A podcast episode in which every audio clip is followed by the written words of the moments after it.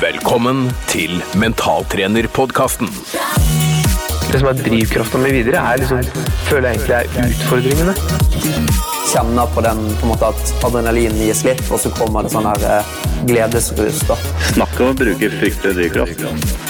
Jeg eh, hadde en eh, ganske stor operasjon for et år tilbake i Tyskland. Fjerna en svulst i brøstet. Skulle ligge der nede i 14 dager. Jeg var i byen på shopping dagen etter operasjonen. Ikke sitte og liksom skylde på alle andre hvorfor ting ikke går som det skal. Du kan jobbe, da jobber man bare hardere. Og her er din vert, mentaltrener Frank Nilsen.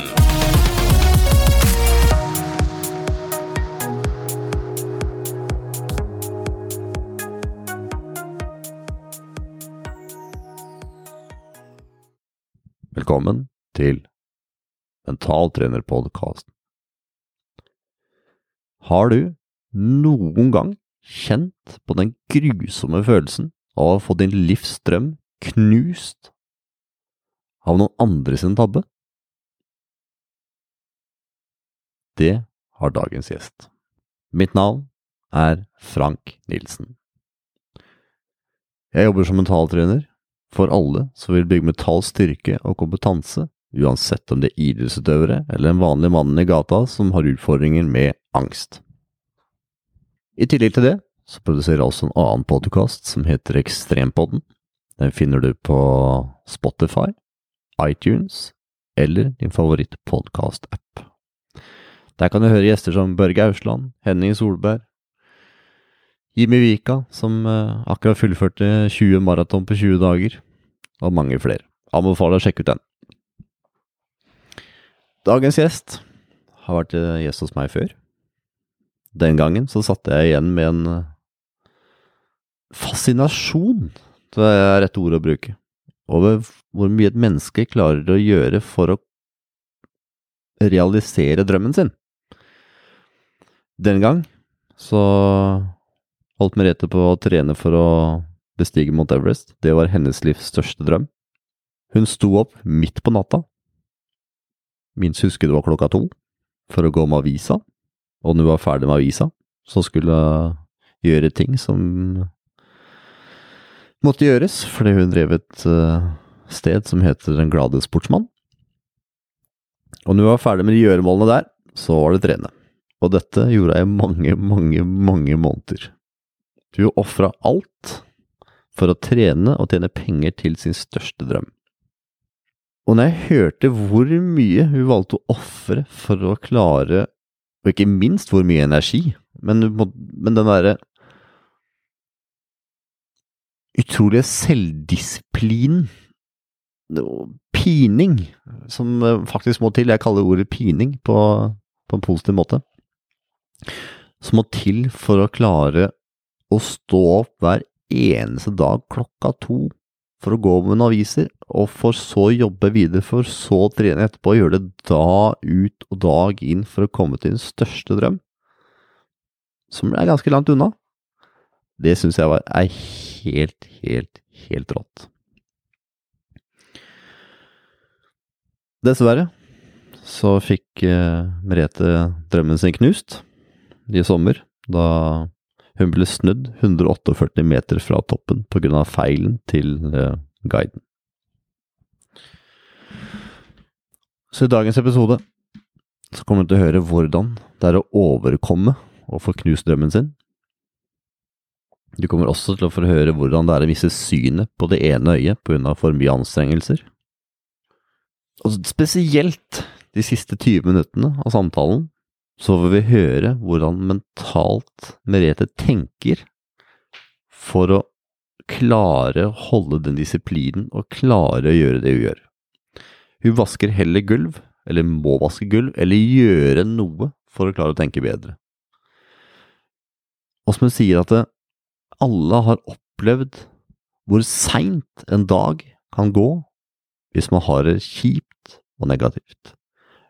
Men legg merke til hvor fort tida kan gå hvis man er positiv. Og vi har veldig mange fine sånne, spesielt de siste 20 minuttene. Så jeg håper du koser deg like mye med dagens episode som det jeg gjorde.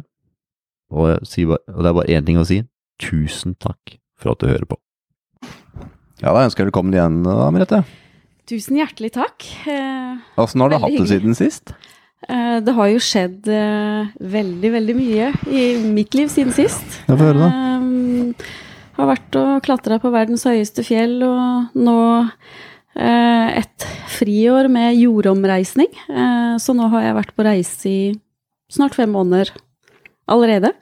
Med Everest og alt. og er på farta ut igjen. Hjemme en liten snarvisitt.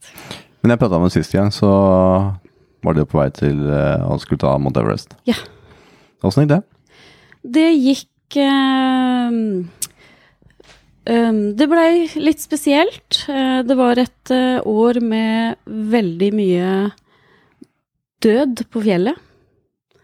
Det var mye som skjedde rundt oss. Mye vær. og veldig mye drama. Mm. Ja, En av verdens beste klatrere omkommer, blant annet. Ja, det starta med det, og jeg tror totalt eh, så var det vel elleve som omkom på hele sesongen. Var det så mange i år? Ja, Oi. det er det tallet jeg har hørt. Ja. Så vi var jo oppe i mye av det. For min del så eh, blei det jo ikke øverste topp. Jeg blei stoppa og snudd på Sørtoppen Okay. på rundt 8007. Og fjellet er 8848. ja. Eh, det, var, vært det var ikke langt unna toppen, du? Det er ikke så langt unna, eh, men det er eh, ikke toppen. Ja. Så det har vært en del rundt det. Hva var grunnen til at de Eh, snudde deg? Det Vet du det? eh, ja, har vært en eh, sak som fortsatt pågår, faktisk. Eh, eh, en, du må være på visse steder av fjellet til visse tidspunkt, Uh, og det viste seg i etterkant Mm. at jeg var på hadde god margin, var innenfor god margin og kunne fortsatt å klatre. Det er konklusjonen, og det har operatøren tatt nå det fulle og hele ansvaret for Okay. og gjort noe med, Uh, i den forstand um, at de faktisk har gitt meg en kompensasjon, og det har aldri skjedd før Så noen bra. gang. Så bra. Um, Hvis, Ja. hvis jeg kan bruke betegnelsen Ja. så bra i tilfellet her. ja, og det er det som kanskje er litt rart, da, sånn fordi det Ingen tvil om at det har vært veldig, veldig tøft. Eh. Fordi alt lå til rette. Eh, Dette har jeg trena på i årevis i hodet mitt, og både fysisk og psykisk, og ja, alt stemte. Mm. Skal ikke ta alle detaljer eh, rundt det, men det å på en måte bli stoppa eh, av eh, ikke deg selv, da. Mm. Eh, når alt var fint og du kunne fortsatt, det, det var veldig, veldig vanskelig å akseptere etterpå. Så har vi hatt masse dialog og, og sånt noe, eh, og det viser seg at, eh, at jeg hadde, hvis en kan kalle det rett, Ja. jeg kunne, kunne ha fortsatt, og Ja.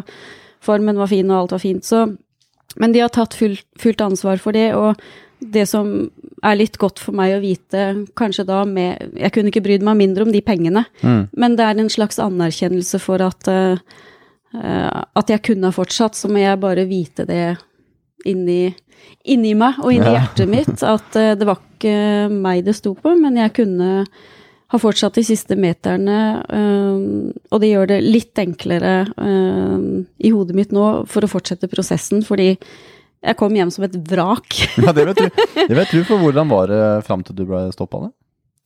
Var det solskinn og granslager, eller? Det var ikke det. Det var uh, utrolig tøft. Uh, jeg var mye syk i starten, Ja. men det Av høyden, eller? Nei, altså uh, Jeg har blitt egentlig på alle turene, og det er mange som blir det. Men heldigvis, jeg blir det tidlig i, i klatringen, så det, det går alltid over. Jeg er ikke Mm. stressa over det lenger. Men det virker som det er en del som Jeg er en av de som må gjennom en sånn type forkjølelse, diaré, mage og en sånn prosess. Og okay. det, det er ikke uvanlig. Nei. Og så, så kommer man seg Men er det, er det høyden eller påkjenninga? Nei, det er en kombinasjon av mange ting. Du, plutselig så endrer alt med kosthold seg, og det er liksom alle de der Mm. ytre tingene da, Mm. som gjør at kroppen reagerer litt. Eh, Så, så jeg kom meg fint etter det og sånt nå. Og etter hvert, når vi kom da opp eh, Altså toppnatten for meg fungerte veldig Jeg var i fin form igjen Ja. og sånt noe. Men eh, da, det var eh, en eh, ekstrem eh, opplevelse og en ekstrem tur på alle mulige måter. Det var eh, veldig hardt. Mm. Langvarig. eh, eh, Det var tre måneder, er ikke? to. To, ja. Ja. Men også fantastiske opplevelser. Men, men det er klart at eh, det eh, blir strekt til det helt ytterste. Eh, Jeg mista synet på det ene øyet, så Gjorde du det? Ja. Nei. Uh, Og det er ikke blitt bra før eh, Gjorde nå. det? Gjorde du det? Ja. Ok. Uh, og det er altså sånne ting som da kan skje for, Det skjedde for meg under første rotasjonen, hvor jeg da var syk. Eh, og klatra i så mange timer og bare Strakk strikken, strakk strikken, strakk strikken, og så snur jeg meg rundt, og så er det akkurat som en liten eksplosjon i øyet, og så ser jeg bare akkurat som en rød slange eh, i, i synet. Eh, så, og den, eh, den endra karakter, endra farve og, og sånt. Og det, det var i starten av klatringen. Så den, den hadde jeg i trynet hele veien, og gjorde jo litt med balanse og, og ting. Men så du bare den slangen der? Ja, sånn, så endra den seg litt. Eh, så så jeg mye til den, og så så jeg litt mindre til den og sånn, men den endra karakter. Ok. Eh, Hva og det kommer av? Eh, Det kommer av eh, høyde og ekstrem påkjenning. Eh, Kroppen begynner å protestere vilt på det du holder på med, egentlig. Ja. Eh, Og da kan det gi sånne type utslag. Kan gjøre. Jeg har ikke hatt det før, men uh, Men det er, så det er velkjent uh, sak? Da, Ja, for så vidt. Uh, Det endte jo med en sånn Jeg har vært innom i, når jeg kom hjem, sykehus her og på Ullevål og alt mulig. Mm. Og det er velkjent i den forstand at legene har hørt om det. Men de syntes det var så interessant at de hadde ekstra møte om meg på Ullevål. Yes. yeah. Fordi de hadde ikke hatt noen reelle pasienter med det, men de hadde kun, noe kunnskap om det og har lest om det. Så det, det har lega seg sjøl. Eh, så nå er jeg helt bra. Men det, Men da tatt, kommer du tilbake igjen? Altså, bare, eh, det kan skje igjen, Mm. eh, eller ikke. Ja. Men, det- men er det sånn at du har noe syn, men så er det noe som forstyrrer på det ene øyet? Eller hvordan, Ja, jeg mista jo Altså, jeg hadde noe syn, men jeg, til slutt så kunne jeg ikke kjøre bil her hjemme eller noen ting. For det, det forverra seg, og det endra seg. Og det var det som gjorde at jeg ble veldig bekymra. Eh, Det skjønner jeg fordi, eh, jeg var redd for å miste synet helt, og spesielt i og med at det forverra seg etter jeg kom hjem, da. Ja. Så, så blei det litt sånn eh, vrak og kjørt i kroppen og halvblind, så har jeg veldig vondt av familien min som fikk hjem dette her. Ja, for Åssen var humøret når du kom hjem med et øye som ikke ser så godt, og stoppa på vei til toppen og var sjuk og Ja, ødelagt. Det var det. Helt ødelagt. Det vil jeg tro. Ja. Eh, det er eh, Livet mitt har bydd på utfordringer før det, men dette var noe annet, og det er noe av det tøffeste jeg har vært igjennom, og jeg kan egentlig ikke Jeg tror det er første gangen jeg sitter og prater om det uten å sitte og grine med deg nå. Så det har vært en veldig tøff prosess. Ja, det vil jeg tro. Men eh, livet må gå videre. Men var det det å bli stoppa så nærme toppen som er det verste, eller? Ja. Mm. Det var eh, fryktelig tungt for meg. Ja, det vil jeg tro. Det Jeg har stoppa på fjell før, og det skjer, men Ja, da har det vært andre omstendigheter. ja, Nå kunne jeg fortsatt. ikke sant. Kunne du tenke deg å gjøre det igjen, eller? Jeg kunne tenke meg å gjøre det igjen. Men ikke omstendighetene rundt. Det er eh, Jeg har jo gitt familien min et løfte om å drøye de høyeste Ja. fjella. Men Ja. jeg ikke, kommer ikke til å slutte med fjell. For hva er det som er så spesielt med disse fjella, Merete? Hva er greia? Ja, og det er jo noe av det som man kjenner på når, vi, når det kommer tilbake, er jo at uh, plutselig så er alt veldig tomt og vanskelig. Mm. Det er veldig vanskelig å komme inn i det vanlige livet etter, etter de lange turene. Ja, det vet du. Men det er mange som sliter med, tror jeg. For Ja. det. Uh, jeg har jo snakka med litt flere etter hvert, da, siden vi prata sammen sist. Og jeg vet uh, med 100% sikkerhet at det er flere som ikke kommer seg tilbake igjen. Vanskelig. Ja, tydeligvis ekstremt. Ja. På rett til depresjon, faktisk. Yes. Eh, og kanskje du kan fortelle litt hva som er årsaken til at det skjer? Jeg, jeg tror for, Jeg har tenkt veldig mye på det, og jeg, det har skjedd, det, dette her har skjedd meg flere ganger, så jeg, Mm. jeg trodde jeg var forberedt. Ja. Men det blir kanskje litt verre for hver gang, fordi for min del så har jeg visst at eh, eh, Everest har vært det ultimate. Mm. Det er ikke bare et fjell. Mm. Det er verdens høyeste fjell, det er Everest. Uh, og det er kanskje også målet langt der framme mens du holder på, Mm. uh, så ligger det der. Uh, og i flere år nå så har jeg hatt et fjell eller hatt et mål, og det er kanskje det som Det blir altoppslukende for meg, da. Mm. Jeg tenker det hele tida, jeg spiser det, jeg puster det, jeg ja, går alt inn for det. Ja. Og i og med at jeg også er i den situasjonen at altså, jeg er helt vanlig, så jeg må da jobbe kanskje ekstra hardt. Jeg må ha to-tre jobber, og jeg må gjøre veldig mye for å få det her til. Mm. Men jeg vet jo også at det, det er også noe av drivet med det, da. Ja, ikke sant. Prosjektet i forkant. Mm. Det å sette seg mål Mm. er veldig drivende. Prosessen i det. Ja. Mm. Og den eh, eh, blir så stor del av livet. Ja. Eh, og det tar all plass. Mm. Eh, og i forkant så er det med glede. Du gleder deg før jul, liksom. Du gleder deg så mye, Ja. og skal bli bedre og ha målet ditt, og Og så reiser du, da. Mm. Og så er du ferdig sånn, Ja. føles det ut som da. Mm. Og så er det litt sånn Hva nå? ja, ikke sant. Hva skal jeg gjøre nå?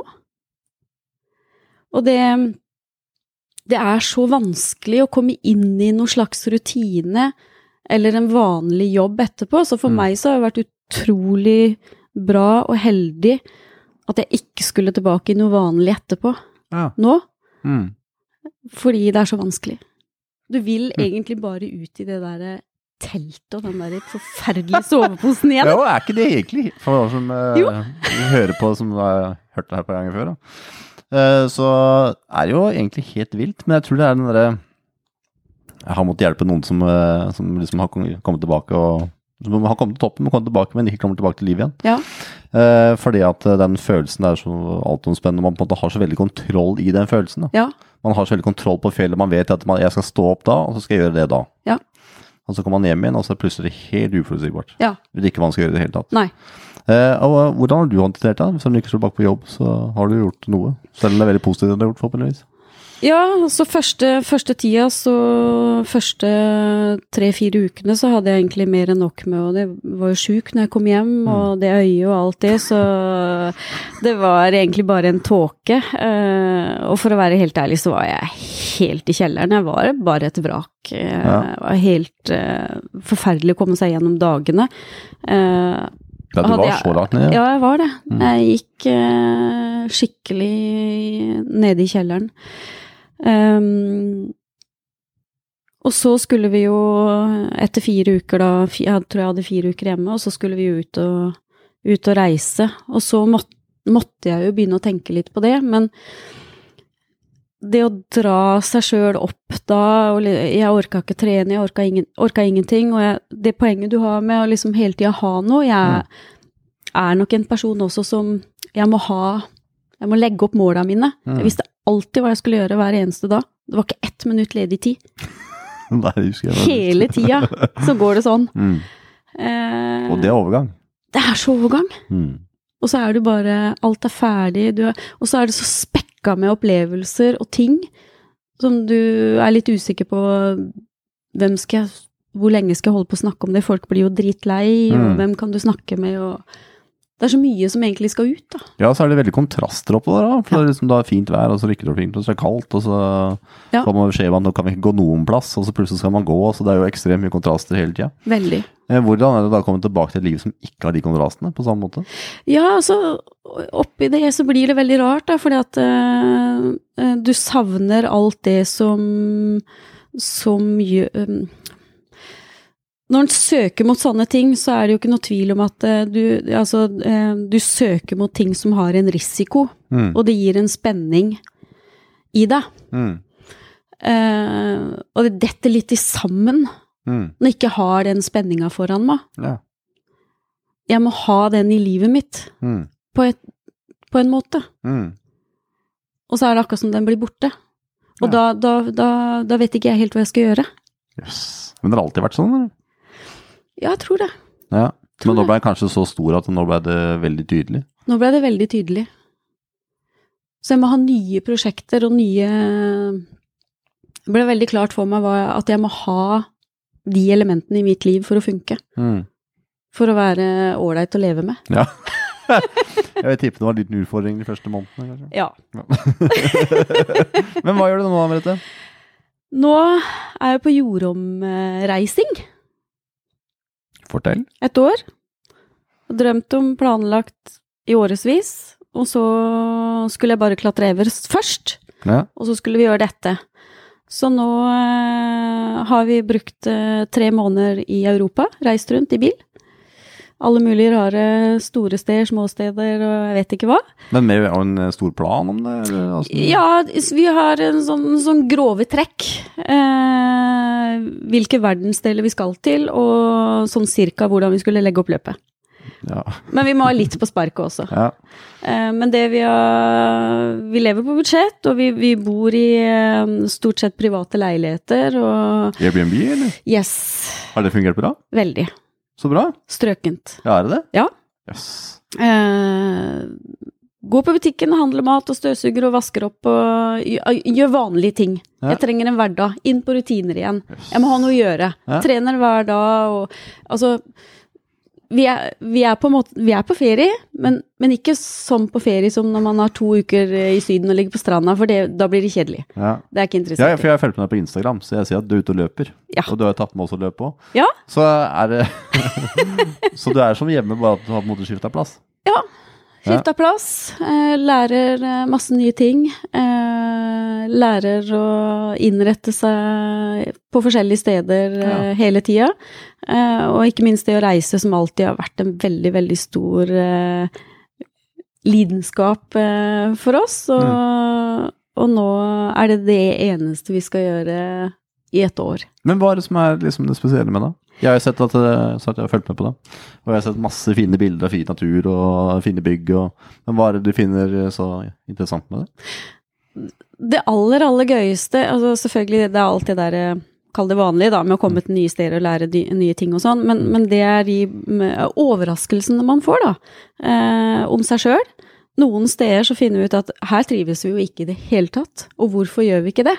Ja, har du funnet sånne allerede? Ja, du har det, ja? Ja. Kan du si hvor, eller? ja det, er, det er nok de typiske turistfellene Ja. Eh, som kan eh, Altså, noen steder har vi jo visst at vi vil innom, som er eh, turist, det vi kan kalle turistfeller. Men det er kanskje det som ikke helt passer for oss, er steder som kun er bygd opp under turisme. Ja. Jeg syns det er veldig Veldig interessant når du kommer inn i hverdagen til folk. Jeg har lyst til å hilse på naboen og, Ja. og finne den lille butikken, og at ikke de skjønner hva jeg sier. Og Ja. jeg vil ha, gjerne ha den hverdagslige utfordringen. Mm. Og der har vi funnet noen små, rare steder som jeg ikke visste fantes, eller det lille krysset, eller kommet inn på veldig, veldig små familiedrevne eh, hotell med tre rom og Ja sånne type ting. Yes. Eh, De gjør det mye mer spesielt, da. ja. Mm. Da føler jeg vi lærer noe eh, om stedet vi er, Mm. eh, og finner fram til det, og, og lærer noe om oss sjøl. Og eh, hele poenget med å reise er jo nettopp det å ikke ha det sånn som hjemme. Du skal ikke finne samme maten, og de skal ikke forstå hva du sier. Du skal bli strekt litt og utfordra litt. Ja. Det er det gøyeste. Hva er favoritten nå til nå? Favorittplassen? Uh, du har reist Jeg- i fem måneder, har du? ja, ja, så vi har reist i tre måneder, Tre måneder, og så har jeg vært to måneder i Nepal, da. Mm. Uh, og i, nå har vi brukt tre måneder på Europa, og det var planen. Ja. Og jeg er i- når det gjelder Europa, det vi har sett nå, det jeg har sett før, så altså, jeg er veldig, veldig glad i, i storbyene. Jeg Mm. liker Roma, Lisboa og alt det der, der så det syns jeg er veldig gøy. Mm. Eh, noen steder har vi vært før, og noen steder har vi ikke vært før. Og på vei hjem nå så var vi da en uke i Chamonix, og det er Chamonix elsker jeg. Men det er jo på grunn av fjella. Ja, er det liksom Chamonix som har vært eh, høydepunktet nå, eller? Eh, På mange måter så er det nok det, eh, men vi er også veldig, veldig fascinert av Roma, egentlig begge to. Ja. Og der også har vi Er det arkitekturen som gjør det? Ja, det er liksom arkitekturen som man blir helt Å gå rundt og, og, og se alle disse her eh, gamle tinga og stå der og tenke på hva som har skjedd for så mange år siden, og at det fortsatt står der. sprøtt. Ja. Blir litt ydmyk. Mm. Alle kirkene, alt Nei, hele, hele atmosfæren. Alt Mm. er veldig spesielt. Er du finne plasser som synes er veldig negative, eller? Bare der skal jeg i hvert fall ikke igjen. Ja Vi har vært innom noen sånne steder. Vi Ja. har det. Eh, Og når vi tenker tilbake, så er vel det ofte det jeg sa, at um, Mm. da er det bygd opp kun for turister. For eksempel? Eh, Ja, eh, det har vært noen steder i Portugal. eh, Et sted som het Alvor, okay. faktisk.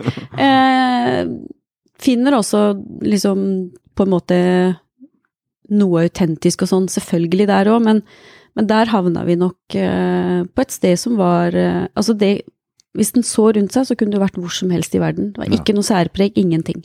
Mm. Og da syns jeg det kanskje blir litt uinteressant, da. Mm. Men det er viktig å Det blir en dannelsesreise.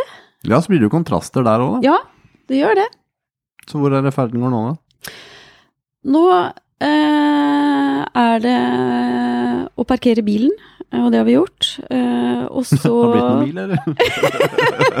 Det har blitt noen mil. Det skal jeg love. Eh, så nå blir han eh, piloten glad for å parkere.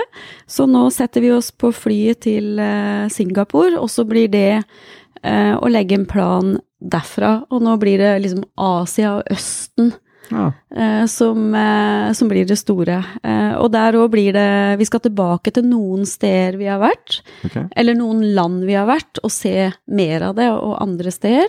Og så har vi en sånn cirka rute. Men vi har kun billett til Singapore. Og så Og i dag er det fredag, vi reiser på søndag, så vi legger planen fortløpende nå. Men hva er det som liksom er mål og meninga for Asia, da? Er det noe som du spesielt har lyst til å se, eller er det noe du har, som har tenkt på forhånd, eller?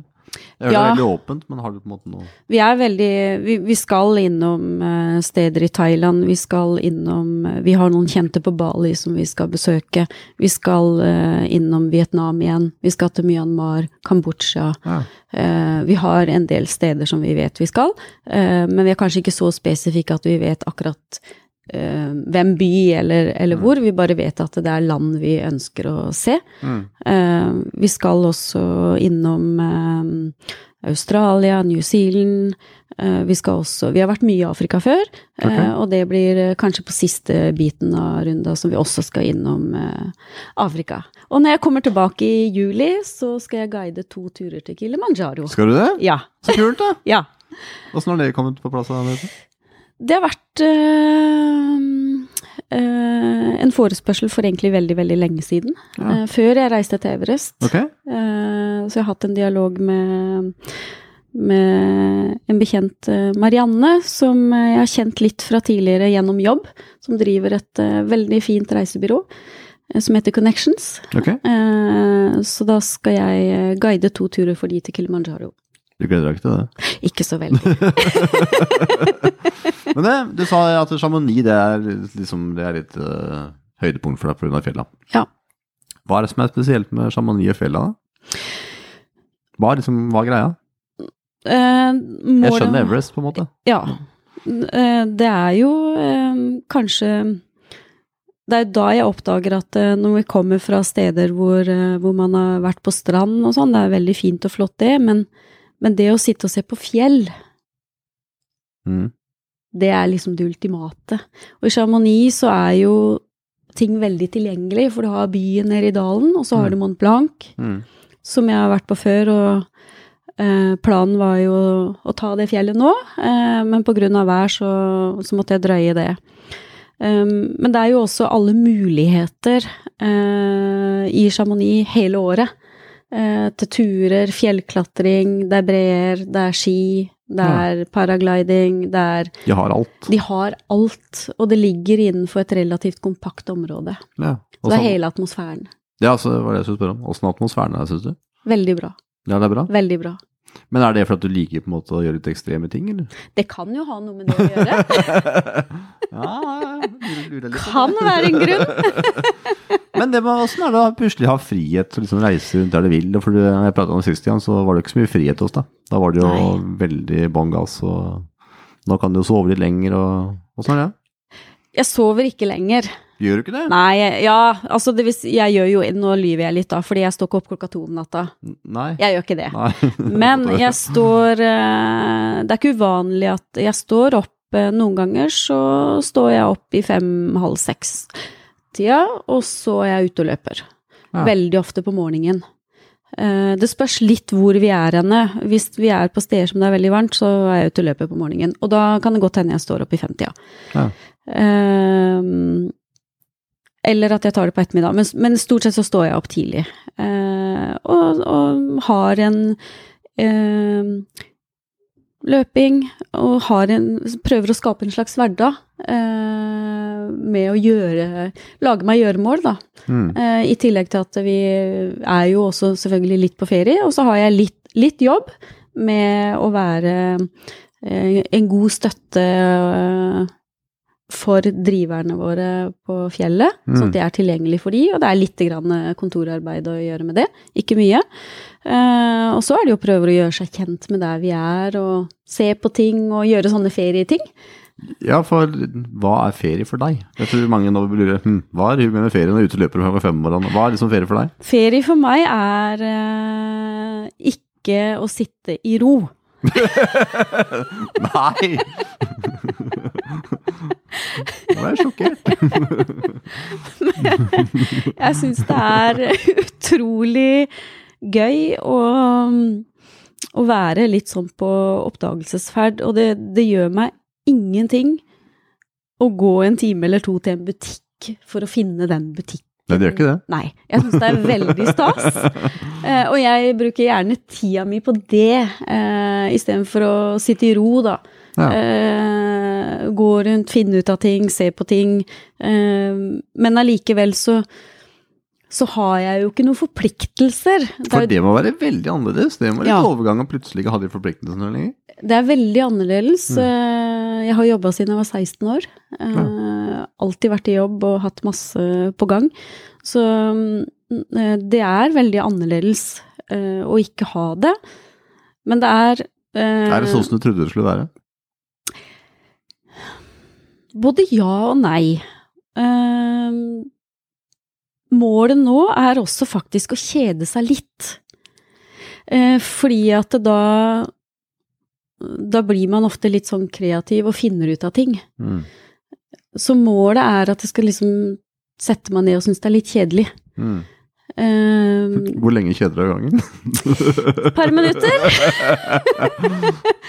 Men det er, det er kanskje det som er litt sånn eh, Jeg har kjeda meg litt. eh, Så sitter jeg lite grann. Forskjellen på meg og mannen min da er at eh, ok, da han drar fram boka si, Ja, og så kan han lese i noen timer. så deilig. Fint for han. jeg er ikke skrudd sammen på samme måte. Så enten så må jeg løpe en tur til, eller så Har du så sinnssykt mye energi? Ja, det er kombinasjon av energi og, Og at passe urolig. passe urolig, og at eh, jeg får, ikke, jeg får liksom ikke tenkt helt ordentlig før jeg gjør noe.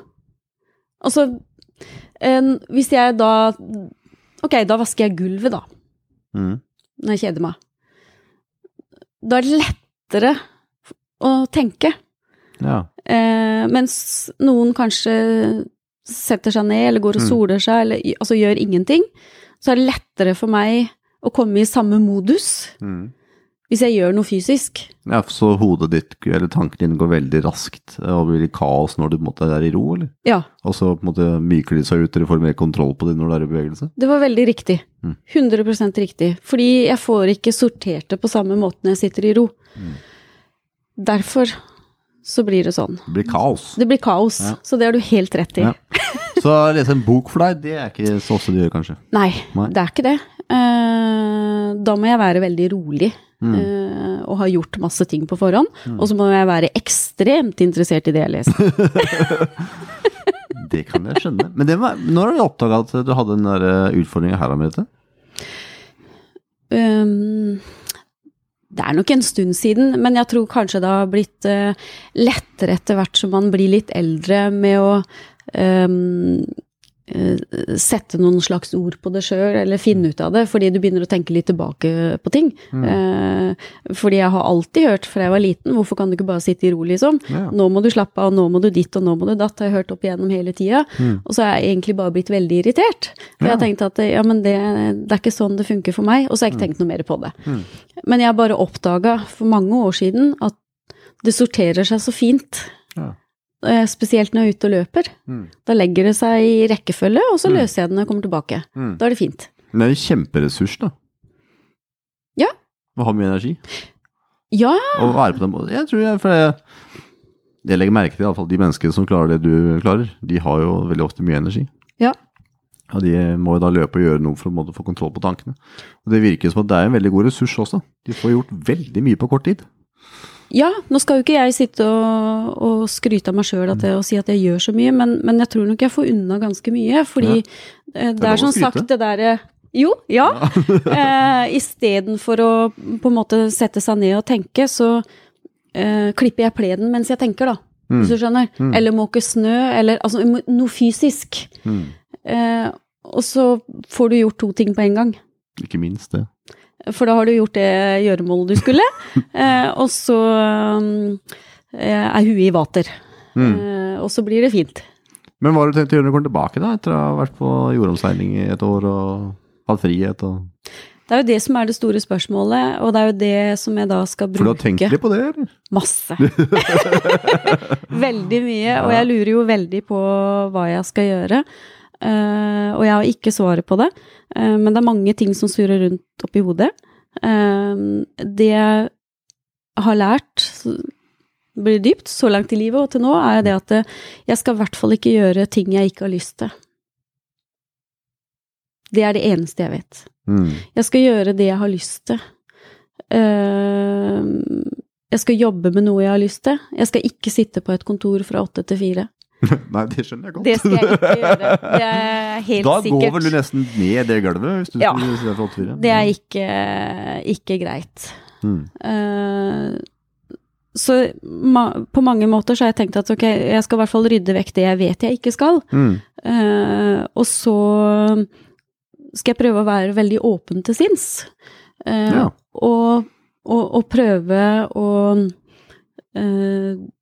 gripe, eller tenke over muligheter som måtte komme underveis. Ja. Eh, og være litt åpen. Eh, og så skal jeg bruke tida mi godt Mm. nå til å tenke meg om på hva kan jeg finne på. Eh, det har i hvert fall gjort at jeg har blitt litt mindre uredd. Jeg er ikke, jeg er ikke redd. Jeg Nei. skaffer meg en jobb. Jeg er ikke redd. Jeg er ikke opptatt av status. Jeg er ikke opptatt av ting. Mm. Men jeg vil gjerne ha en jobb. Og helst i en jobb jeg trives i, for jeg er nødt til å jobbe. Eh, men jeg, jeg har bestemt meg for å ikke bekymre meg. Fordi det kommer til å ordne seg.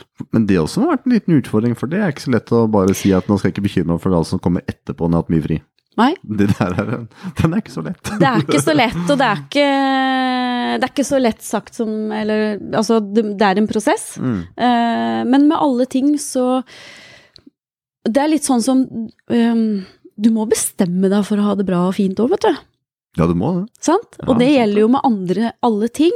Vi er på å reise jorda rundt nå, er de heldigste i hele verden. Men det blir ikke bra hvis ikke vi skaffer innholdet, hvis ikke Nei, vi bestemmer oss. Sånn. Og sånn har jeg egentlig prøvd å tenke med det med fremover nå også, med jobb og sånt. At Mm. jo, det, det kommer til å gå bra.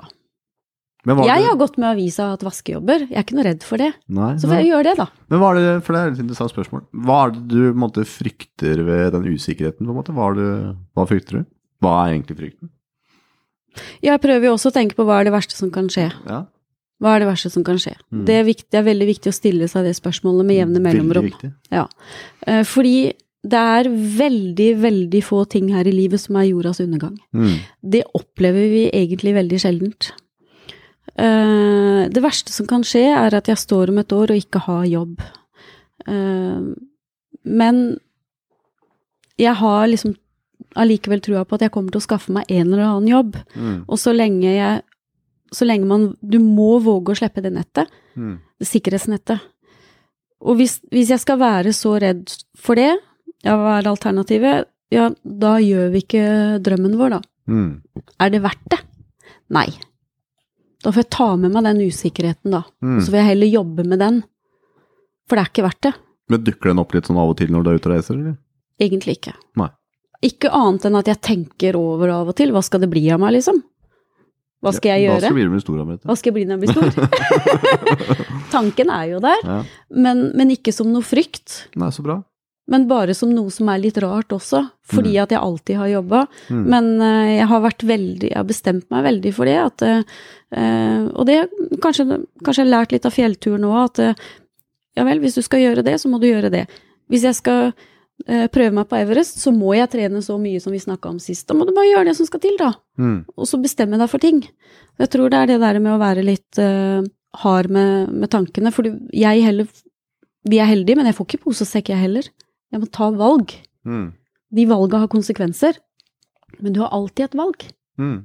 Alltid. Det er jo det mange ikke forstår, at de alltid har et valg. Du har alltid et valg. Man føler kanskje ikke man har et valg, men alltid har valg. Mange sier det. Jeg har gjort det sjøl, og du sitter i en vanskelig situasjon i livet. Ja, men jeg har ikke noe valg. Husker jeg sa det til dattera mi en gang òg. Ja. Jo, du har det. Men de valga du tar, har konsekvenser. Mm. Men du kan velge. Men du må sitte i førersetet sjøl. Ja, de har på en måte konsekvenser i positiv og negativ retning uansett, da. Det har de. Så det er litt med å se på det som en lærdom eller som feil. Mm.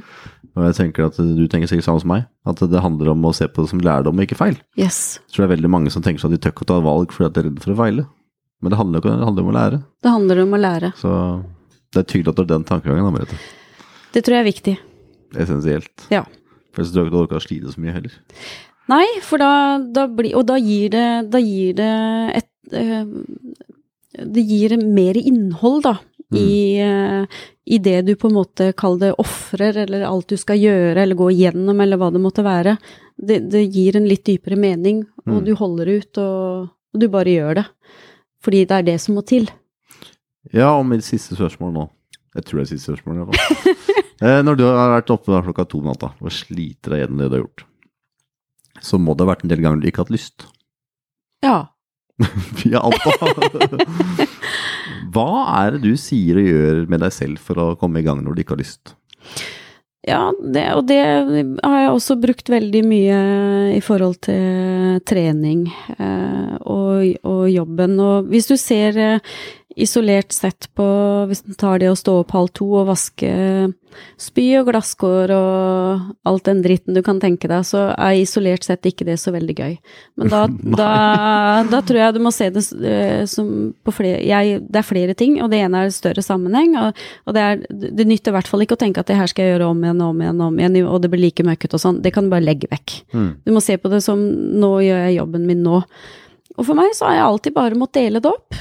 Ok, da, nå skal jeg ta fram til det vinduet, eller det bordet, eller den seksjonen, eller Jeg jobber alltid eh, med oppdelte ting, uansett hva jeg gjør. Ja. Nå skal jeg ta det, Mm. og så ser jeg på så fint det blir. Bra. Blei bra, blei Ja. fint. Så bra. Nå skal jeg, og så tar jeg neste. Ja. Hvis du bestemmer deg for hva du skal tenke, så blir det sånn. Mm. Hvis jeg syns det er forferdelig hver gang, så er arbeidsdagen veldig lang. Hvis jeg syns det er helt grusomt å løpe ut i det regnværet og snøen, så er det en veldig lang løpetur. Jeg må ha kontroll på det. Det er ikke det at det heller er så veldig lett, men det er en treningssak. Mm. Uh, og du må bare Og jeg tenker også ofte på Ja, men tenk på alt jeg har løpt, da. Er mulig jeg har en time igjen, men jeg har jo løpt en time søvn, da. Ja, bra. Tenk på det du har gjort, og tenk på hvor fint det blir. Og at det, det er Du må bare gjøre det. Altså, det nytter ikke å Det er en jobb. Det er en treningsøkt. Det er Det skal til. Men er det motgang som har vist deg det, eller er det- var det sånn, for det her er ikke så mange som tar av seg selv. Så hva er det som har gjort at du har erfart at det tankesettet der er det som fører deg på riktig vei? Jeg tror det er litt tilfeldigheter, men øh, hvis en tenker også sånn Alle har sikkert tenkt det. Å, i dag gikk det fort på jobb. Å, i dag gikk det lett å trene eller løpe en tur. Det er jo fordi at du har hatt en positiv tanke om det. Mm. Og da går det fort, altså. Mm. Og hvis du tenker tilbake på det, så er det da eh, lurt å prøve å bruke. Eh, Og noen ganger da hvis en gjør en jobb som en syns er kjedelig, eh, eller er ute og løper og du syns det er kjedelig, og så peiser tanken inn på noe annet, så går den perioden veldig fort igjen. Mm. Og hvis den er litt bevisst da, på sånne ting, så er det jo utrolig hva du kan gjøre. Eh, og så igjen er det det der med målet. Mm. Hvorfor gjør jeg det her? Jo, jeg gjorde jo det, for, vi driver for oss sjøl. Eh, jeg skal ut og klatre. Eh, jeg trenger eh, å gå med avisa om natta fordi jeg trenger pengene. Eller, at det det er en grunn til ting, da. Mm. Det endrer tankene når det er en grunn til noe. Det må du minne deg på grunnen også, eller? Ja, jeg må jo det noen ganger. Men, men det går jo enklere når man lærer seg teknikkene. Du ligger i basecamp og venter i ukevis på fint vær, eh, bare i soveposen. I 12-13-14 timer og venter og venter og venter. Men det er for noe. Ja, for det var et spørsmål. Hvordan var det for deg? For jeg vet at det var litt venting på deg oppover også. Veldig mye. Hvordan er det for en som ikke liker å være rolig? Det er utrolig vanskelig. Det må bli kaos i Eh, Det blir jo kanskje? helt krøll i hodet. eh, Og veldig, veldig, veldig utfordrende eh, å vente. Ja. Men det er for noe. ja. Så du tenkte på det hver gang du Hver, hele tida. Og igjen dele opp dagen. Frokost. Ser du fram, skal du spise frokost. Mm. Og så var det kanskje å Ja, rydde litt i teltet. Ommøblere litt. Fikse litt. Ut og gå en tur. Flytte på soveposen. Lage seg Jeg må lage meg gjøremål. Interessant. Uh, se litt på film. Ja. Høre på musikk. Og etterpå det så skal jeg ta en kopp kaffe. Det er de Mm. små, små tinga. Mm. Og, så og så er det middag. Ok, og så er det det. Og så må, gå, må dagen men Du må ikke se noen lange perspektiver. Mm. Så får vi se i morgen. Åssen blir det da? Da klarer du å holde deg mye roligere òg, da. Det Holder deg rolig. av deg. Holder deg rolig, Mm. og du holder, eh, holder eh, kontroll på alt som foregår oppi hodet, på en, på en måte som, som funker veldig greit. Og jeg tror hele tida handler om du må holde øya på målet. Mm. Hvorfor gjør jeg dette her? Og det tror jeg man må gjøre når ting er vanskelig, og når du er lei. Eh, for det går nemlig over. Mm. Og hvis det ikke går over, da må du gjøre noe med det. Ja, og så tror jeg det er en perfekt teknikk for å håndtere stress. Veldig. Eh, og jeg, eh, for oss da så blei det veldig viktig det der med liksom Nå er det frokost, og så gjør du et eller annet i mellomtida, lager deg noen oppgaver, kanskje vasker en to sokker. Whatever. Ja. Og så er det lunsj, og så er det middag, og så liksom så, så går det. Så blir det noen rutiner av, Mm. av det å egentlig bare ligge i soveposen. Det er gode teknikker, og det funker. ja, de funker uten tvil. Ja. Jeg tenker at liksom eh, Det var litt, litt interessant, da, for mange syns kanskje det er greit å ligge stille i soveposen og slappe av litt. Mens du som er stikk motsatt, Helt- det har veldig- kanskje vært din største kamp. Det har faktisk vært å være rolig. veldig, veldig stor kamp å være rolig, eh, og det krever eh, eh, mye Det krever mye av meg Ja, å, å få kontroll på det. Eh, men lagde rutiner med å ut og, ut og gå turer de Mm. dagene som vi skulle holde oss i ro. Ok, jeg skal gå til enden av basecamp. Det tok 45 minutter én vei, Ja. og så skal du gå frem og tilbake, og så skal du gå seint, og du skal hvile, og ja, så plutselig var to timer gått på det. Mm. Uh, og så ble det åh, så, så skal jeg ha sjokoladen når jeg kommer tilbake. Ja, men det, det funker jo. Det, fun det funker, altså. Ja. Det, det, det funker utrolig bra. Det, det, det, det funker såpass bra at det Mange burde prøve det. Ja, altså absolutt alle trenger prøver, hvis det er sånn ting de bruker fra før. Ja. For den er genial for å håndtere stress. Yes. Og så er det veldig mange som eh, blir eh, eh, Hva ordet jeg skulle bruke? At de blir litt overmannet, at det blir for mange ting. Ja. For de ser på for mange ting samtidig. Mm, Og tenker for langt fram også. mm, Og så er det tusen ting som skal gjøres. nettopp. Da blir det kaos. Da blir det kaos. Da må du bare begynne øverst i bunka, da. Mm. Så bare jobbe nedover. Ikke tenk på det som ligger under. Ta den ene. Det hjelper. Veldig bra, Merete. Og så ønsker jeg lykke til på Jeg kaller det for ferie. Det er ferie. Det er ferie. ha en god tur da. Tusen hjertelig takk, og takk for at jeg fikk komme. Jo, takk det samme. Det var hyggelig.